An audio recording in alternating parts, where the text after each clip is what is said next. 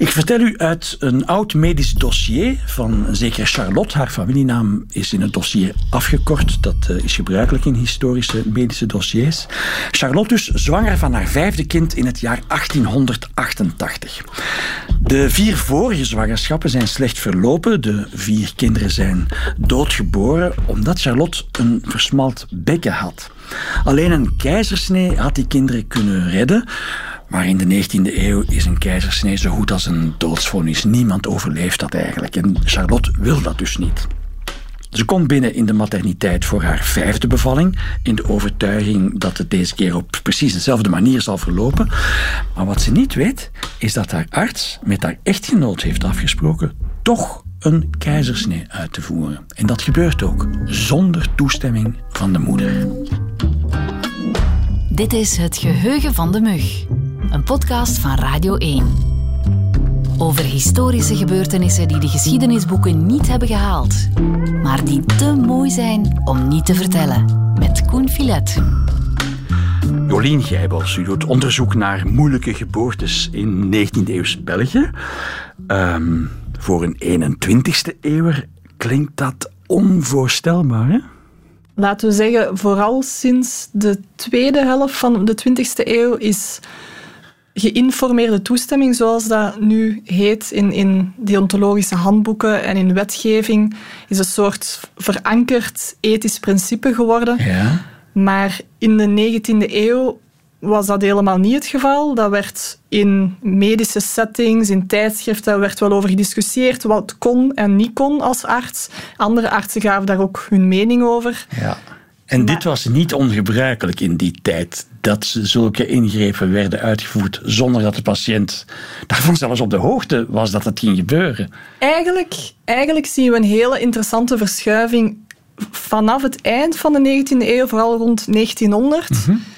Laten we zeggen, in het grootste deel van de 19e eeuw was het heel ongebruikelijk om een levensgevaarlijke of zelfs quasi-dodelijke operatie uit te voeren zonder toestemming.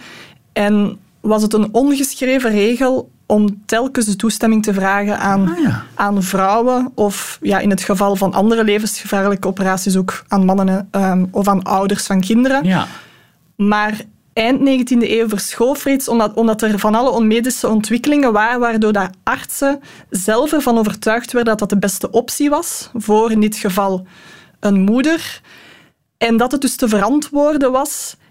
En dan Ja. op dat moment werden zij geconfronteerd met het probleem dat zij hun patiënten niet konden overtuigen, omdat er in, in stedelijke contexten stond die keizersnede stond bekend als een dodelijke operatie. Ja. En vrouwen spraken met elkaar Ah, ja, ehm, over die gevaren en waren tot geen enkele prijs bereid om die operatie te ondergaan. En op dat moment dat artsen zelf ervan overtuigd werden kansen zijn groter geworden dat, dat ze het overleeft en dus dat haar kind het ook overleeft. En op dat moment eigenlijk zien we dat artsen beginnen flirten met de grens, die ethische grenzen die vroeger ondenkbaar waren. Ja. Ja. Ah ja, het is dus niet zo dat die eh, toestemming van de patiënt dat dat modern is en dat het vroeger zonder toestemming gebeurde. Nee, nee, nee, nee. Er was een tijd dat er toestemming werd gevraagd aan patiënten en dan eind 19e eeuw is een soort van terugval. En wordt die toestemming niet meer gevraagd. En dan begin 20e eeuw komt er terug een beweging op gang die uiteindelijk erop eh, uitdraait dat er opnieuw toestemming wordt gevraagd. Ja, en dit is een rare golfbeweging.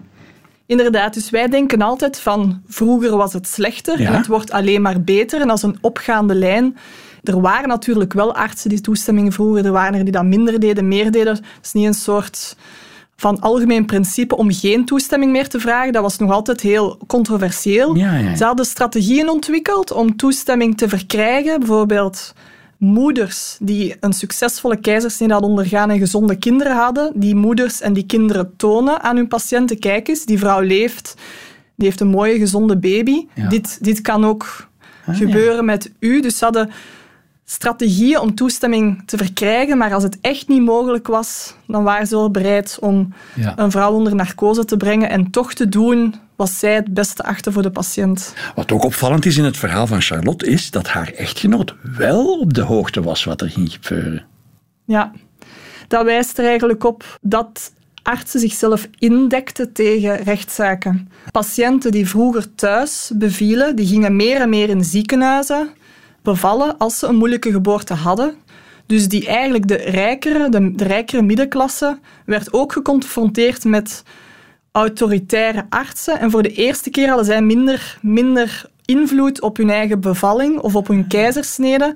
En in die periode waren er dus meer rechtszaken van mensen die dat konden betalen en die daar, daar de middelen toe hadden om, om een rechtszaak aan te spannen. En artsen hadden schrik om voor de rechtbank gedaagd te worden, om met bepaalde kosten geconfronteerd te worden en met vervelende administratieve situaties. Ze hadden toch liefst een vorm van toestemming. En dan in dit geval van de echtgenoot of soms een korte krabbel op, op papier. Ja. En wettelijk gezien was de toestemming van de man nodig. Nu, dat werd niet altijd gedaan. Maar sommige echtgenoten gingen ook rechtszaken aanspannen als hun vrouw wel toestemming had God, gegeven voor echt? de operatie, maar zij niet. Ah, ja, ja, ja. ja. Dus die... Omdat de vrouw, de vrouw was in die tijd geen rechtspersoon. Dat was, eh, eh, ze stond onder voogdij van haar, van haar echtgenoot, de man. Ja, klopt. Ja. Eh, dus Charlotte gaat eh, naar het ziekenhuis om te bevallen. Ze denkt dat het geen keizersnee gaat worden, maar ze is wel voldragen zwanger. Met een te smal bekken. Dat waren vaak vrouwen die in hun kindertijd een botziekte hadden opgelopen doordat zij onvoldoende aan zon werden blootgesteld, te weinig vitamine D en ook ehm, te weinig voedingsstoffen hadden gekregen, waardoor hun botten weker werden en hun botten, het bekken zich vervormde. Maar hoe, hoe gaat dat als je dan geen keizersnee eh, wil? Hoe raakt dat kind daar dan uit? Hoe ging dat in die tijd? Ik denk dat het heel belangrijk is om voor ogen te houden dat wat wij vandaag als een smal bekken bestempelen iets heel anders is dan, dan rond die periode. In die periode betekende dat werkelijk dat er al uren en dagen geprobeerd was vaak om in de eerste eh, zwangerschappen van een vrouw om een kind op een natuurlijke manier ter wereld te brengen. En als het echt niet ging, als het eigenlijk fysiek onmogelijk was, dan pas gingen vrouwen naar een, naar een stedelijke materniteit of worden daar naartoe getransporteerd als ze niet meer konden rechtstaan. En wat er dan gebeurde in die periode, in de hele 19e eeuw, was de operatietechniek die we verstaan, of ja, er is een koepelnaam voor en die koepelnaam is embryotomie. En onder die koepelnaam vielen allerlei vormen van hele destructieve operaties waarbij een instrument werd ingebracht dat het volume van de foetus verkleinde. Dat is ook de technische term die artsen toen gebruikten.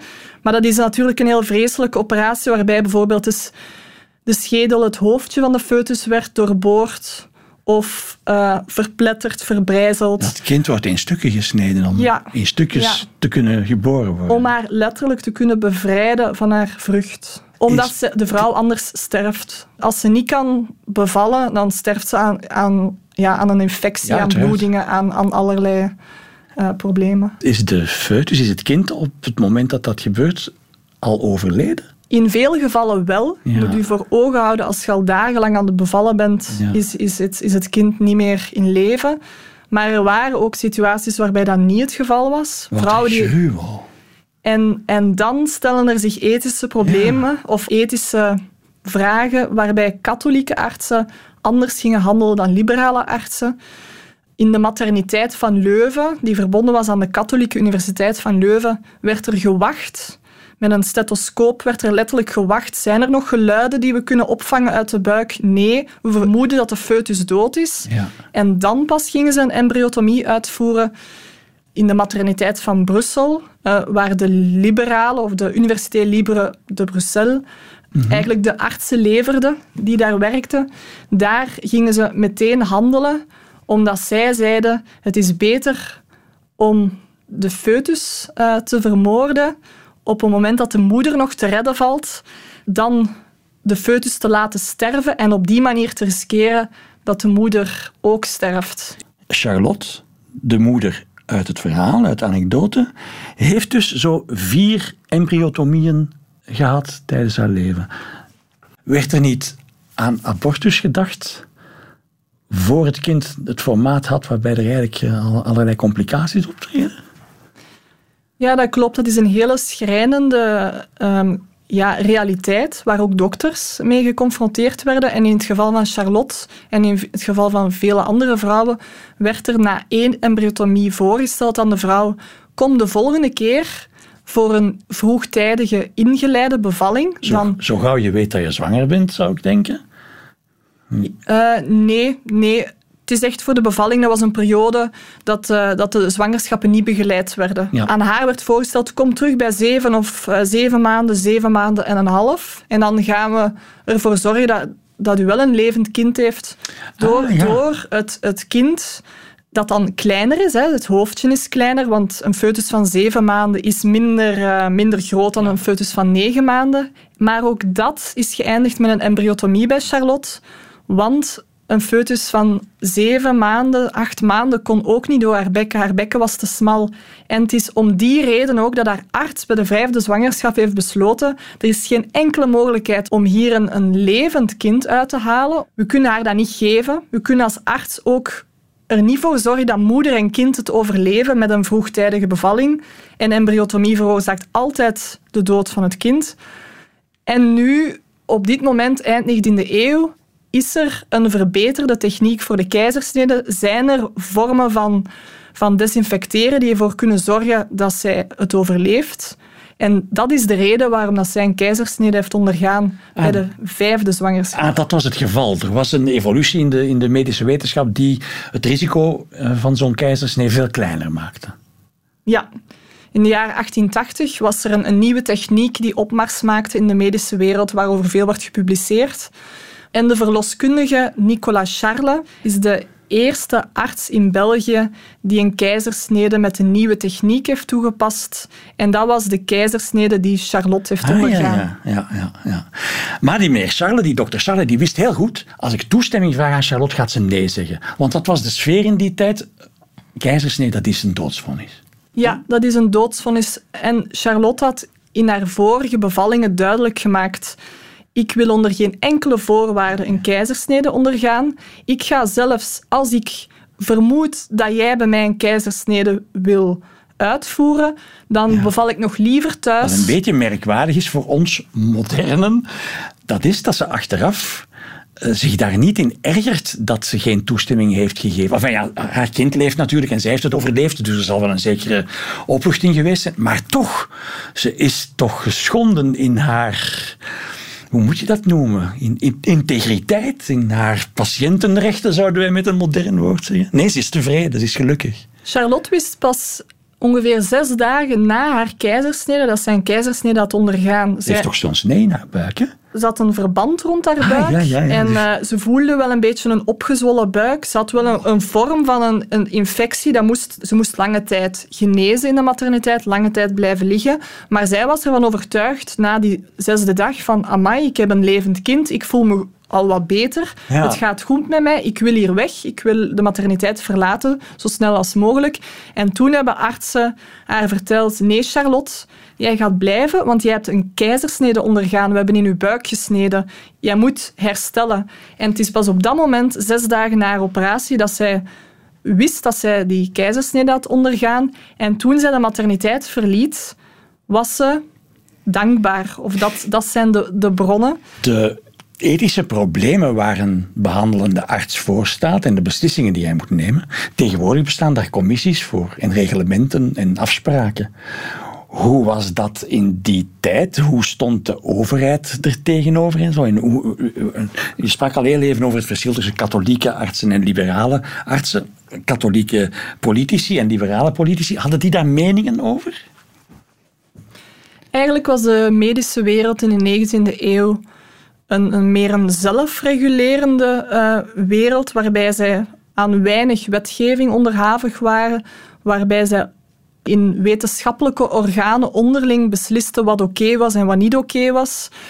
Maar werd er werkelijk iets beslist? Hè? Want je spreekt over, over artsengenootschappen, maar ik heb niet de indruk dat er onder artsen een consensus was. Er was het verlangen om samen als artsenkorps één gedragslijn uit te stippelen, maar omdat katholieke en liberale artsen zo verdeeld waren over de levensbeschouwelijke breuklijn heen, was het onmogelijk om een consensus te vinden. En was de consensus, je volgt als arts je, je geweten. Ja. je, gelo je geloofsovertuiging. Of, Ja. En eigenlijk eh, veranderde dat niet in heel de 19e eeuw.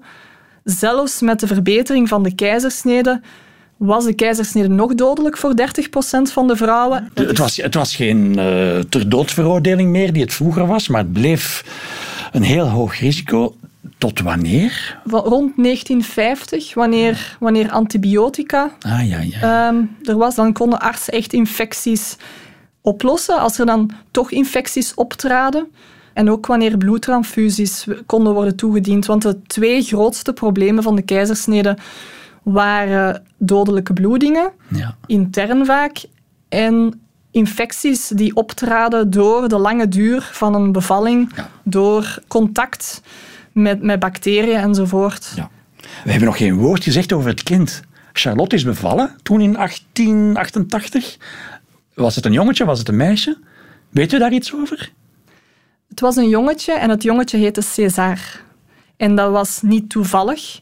Redelijk veel kinderen die, die succesvol geboren waren, die levend geboren werden, werden genoemd naar, naar de, de keizer Caesar, omdat die ook met een, met een keizersnede zou zijn bevallen. En volgens de overlevering zou dat ook succesvol zijn gebeurd. Ah ja, ja. En dus ehm, Charlotte is daarna nog moeder geworden van een tweede kind? Ik weet niks over, de, over hoe die bevalling is, is verlopen, maar haar arts, Nicolas Charles, heeft wel vermeld dat het nu volgens hem makkelijker was geworden om toestemming te verkrijgen, dat zijn patiënt, waarop hij de eerste keer een keizersnede had uitgevoerd, is teruggekomen en nu vroeg om een keizersnede te ondergaan. En zelfs aan andere vrouwen had verteld die ook problemen hadden met hun bekken. Dit is dus een operatie die uw leven kan redden en het leven van uw kind. Dus ik raad u aan om die operatie te ondergaan. En zo is er zelfs een patiënt die van Charlotte te horen had gekregen. Doe dit. Dit is goed voor u en uw kind, die ook een keizersnede is komen vragen. Dit was Het Geheugen van de Mug. Een podcast van Radio 1 in samenwerking met de KU Leuven. Meer merkwaardige verhalen uit de cultuurgeschiedenis lees je in het boek Het Diner in de Dinosaurus. Al onze podcasts vind je via de app van Radio 1 of op radio1.be.